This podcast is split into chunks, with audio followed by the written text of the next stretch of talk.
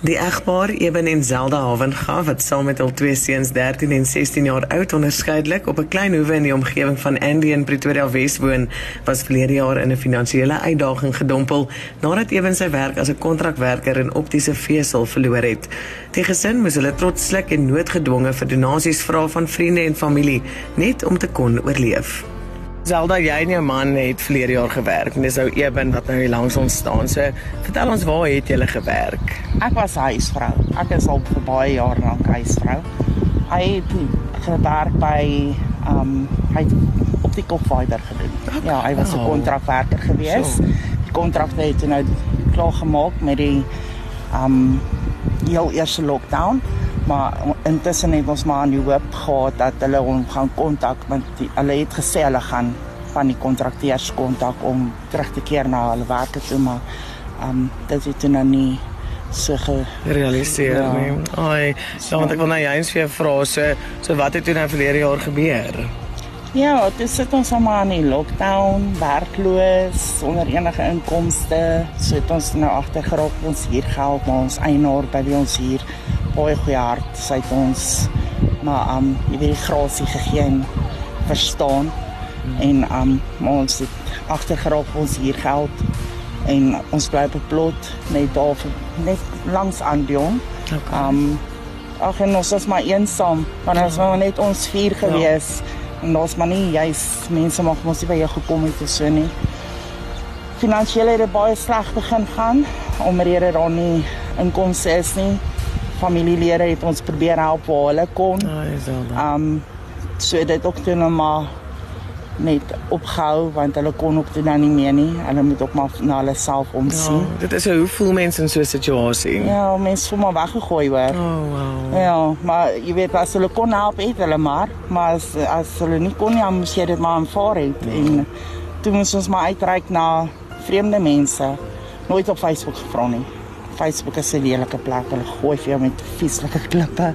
Oei. So ons het nooit daar gevra nie. Ja, sonder dat hulle eintlik presies ja. weet waar hulle gaan nie. Ons het ons sektor gemeenskap genader, 'n sektor 4 daar by um op die plotter daar by Andion en so en hulle het ons die gemeenskap het ons nou begin bystaan sure. met kospakkies en vir ons diere vir kos en um het ons 'n uh, oom en 'n tannie gekry wat ons aangeneem het as hulle gesin. Wow. Ja, hulle het nou elke tweede week vir ons 'n kospakkie gebring. Oh, so. Ja, en as ons nie gas gehad het nie, het hulle die geldjie gegee en kon hy vir ons gaan gas kry vir ons stoof en Ja, so dit het ons nou baie gehelp. So Zelda, wat was toe julle keerpunt en wat het julle toe gedoen? Ja, tydens die lockdown was dit moeilik. Ons kon nie juist veel doen nie, alhoewel ons baie graag Um want hy is eintlik 'n handyman en hy kan staalwerk doen mm. en al daai tipe van dingetjies, maar omdat hy nie 'n permit gehad het nie, kon hy nou ook nou nêrens heen met gaan of niks doen nie.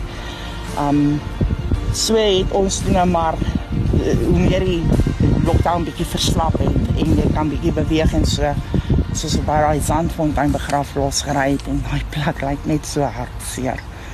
En ek sê vir hom, maar um Dit was net te erg dat dit nie skoon gemaak word nie. Daar word nie na die plek gekyk en so nie. Sy altyd sy broer, sy suster is al begrawe en sy ma en pa by die asgrafies. So is vir ons bietjie ek weet as jy so voel oor jou geliefdes wat in so moet gaan rus, hoekom sal ander mense nie ook so voel nie. Dit ek 'n voorstel aan hom gemaak.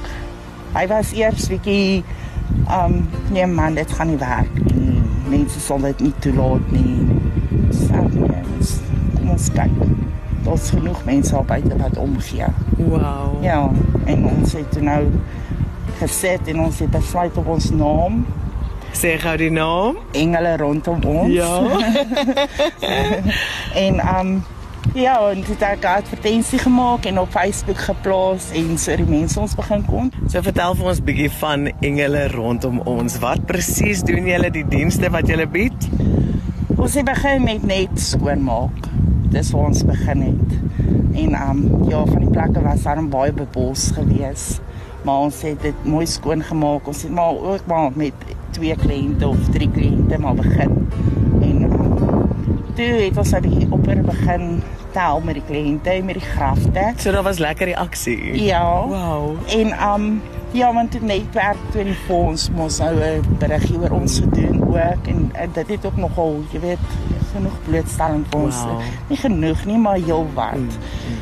Blootstelling gee en my niggie Adinda, ag, jy, sy's eintlik 'n engel haarself want sy probeer ons regtig jy weet oral help plaas ons advertensies op Facebook, op oh. al status op WhatsApp en sy gaan net heen en weer met ons skyn. Um maar dit help baie. Dit help mm. verskriklik baie. En selfs my sussie ook, sy deel al ons goedjies op Facebook. Ja, maar hulle so. glo in julle en hulle glo in die diens wat julle ook bied. Ja, en nou is ons al so ver dat ons makeovers op grafte doen. Ja. Ja, en dit klink baie mooi. Ag, wow, nou Zelda, jy het genoem ook dat jy met verskeie donasies toe nou ook van die publiek af en van die gemeenskap af kon jy toe nou 'n randsnyer en 'n grassnyer aankoop en eh, veralnik ja. dan ook brandstof aangedrewe omdat jy nie altyd 'n kragpunt het op 'n begrafplaas nie. Ons het eintlik het ons by 'n uh, dame in Mountain View al tyd gedoen. Oh. En dit is net toe ons begin het met die grafte, so ons kliënte en grafte was bitter min geweest. Toe het ons al die vrou se tuin gaan doen en so het dit opgeëindig dat hy oh hy's vir ook uitgeverf het. En ja, want sy wil ons nou help. Jy weet, goeie hart die vrou en ons. Toe het sy vir ons 'n grassnyer en 'n randsnyer geskenk. So. Want oh, ons het ook nou weet met die werker en so het ons nou 'n storie aan haar vertel en so en sy het ons nou geskenk die grassnyer en die randsnyer maar um hulle moet bietjie gediens word en ons het nie die finansies daarvoor nie en ons kan dit nie instuur om dit te doen nie want dan sit ons sonder werk en kan ons nie werk nie want dit is al wat ons het. het jy enige ander behoeftes al daar in Eben? Baie. Daar's so baie. Ek dink die belangrikste nou is 'n nuwe trimmertjie, die, die randsnyer, hierdie brashcutter en brashcutter is 'n bosse die randsnyer is nou vir so die fynwerk. Ja. Okay. Die naalknippertjie. ons grootste grootste stres op hierdie stadium is ons vervoer. Ons bakkie gee ons probleme die die engine is gedaan. Hy's heeltemal um ek dink op sy einde laaste. So.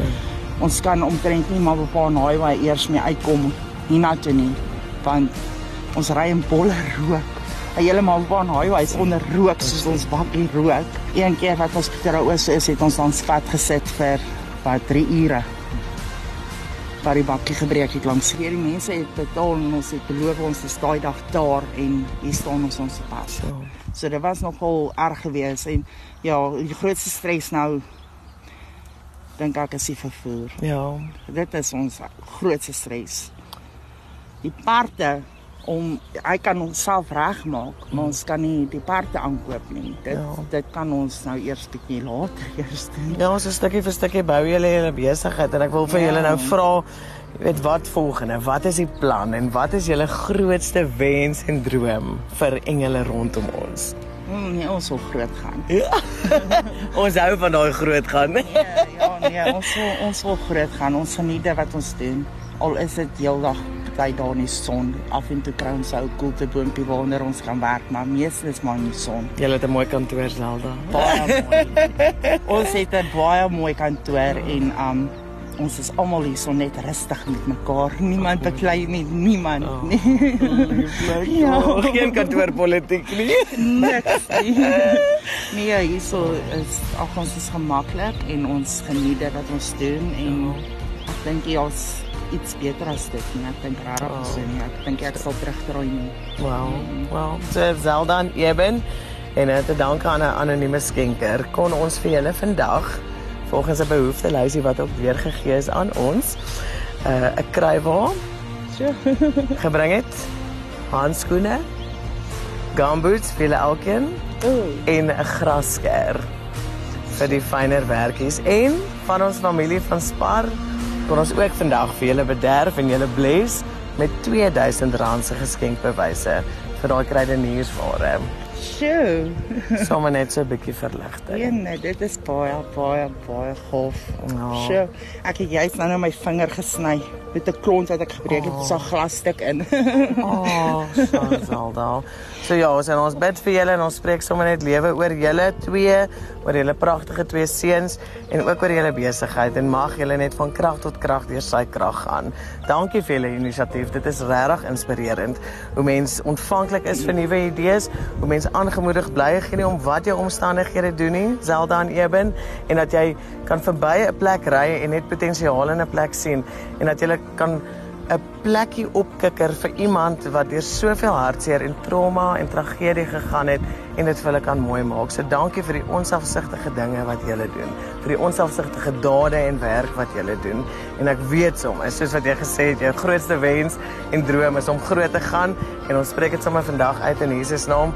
Engele rondom ons gaan groot gaan. Amen. Vir Eben en Zelda Havenga is hierdie 'n lekker werk. Rustig sonder kantoorpolitiek sê hulle tongenetjies. Hulle grootste wens is dat engele rondom ons sal groot gaan.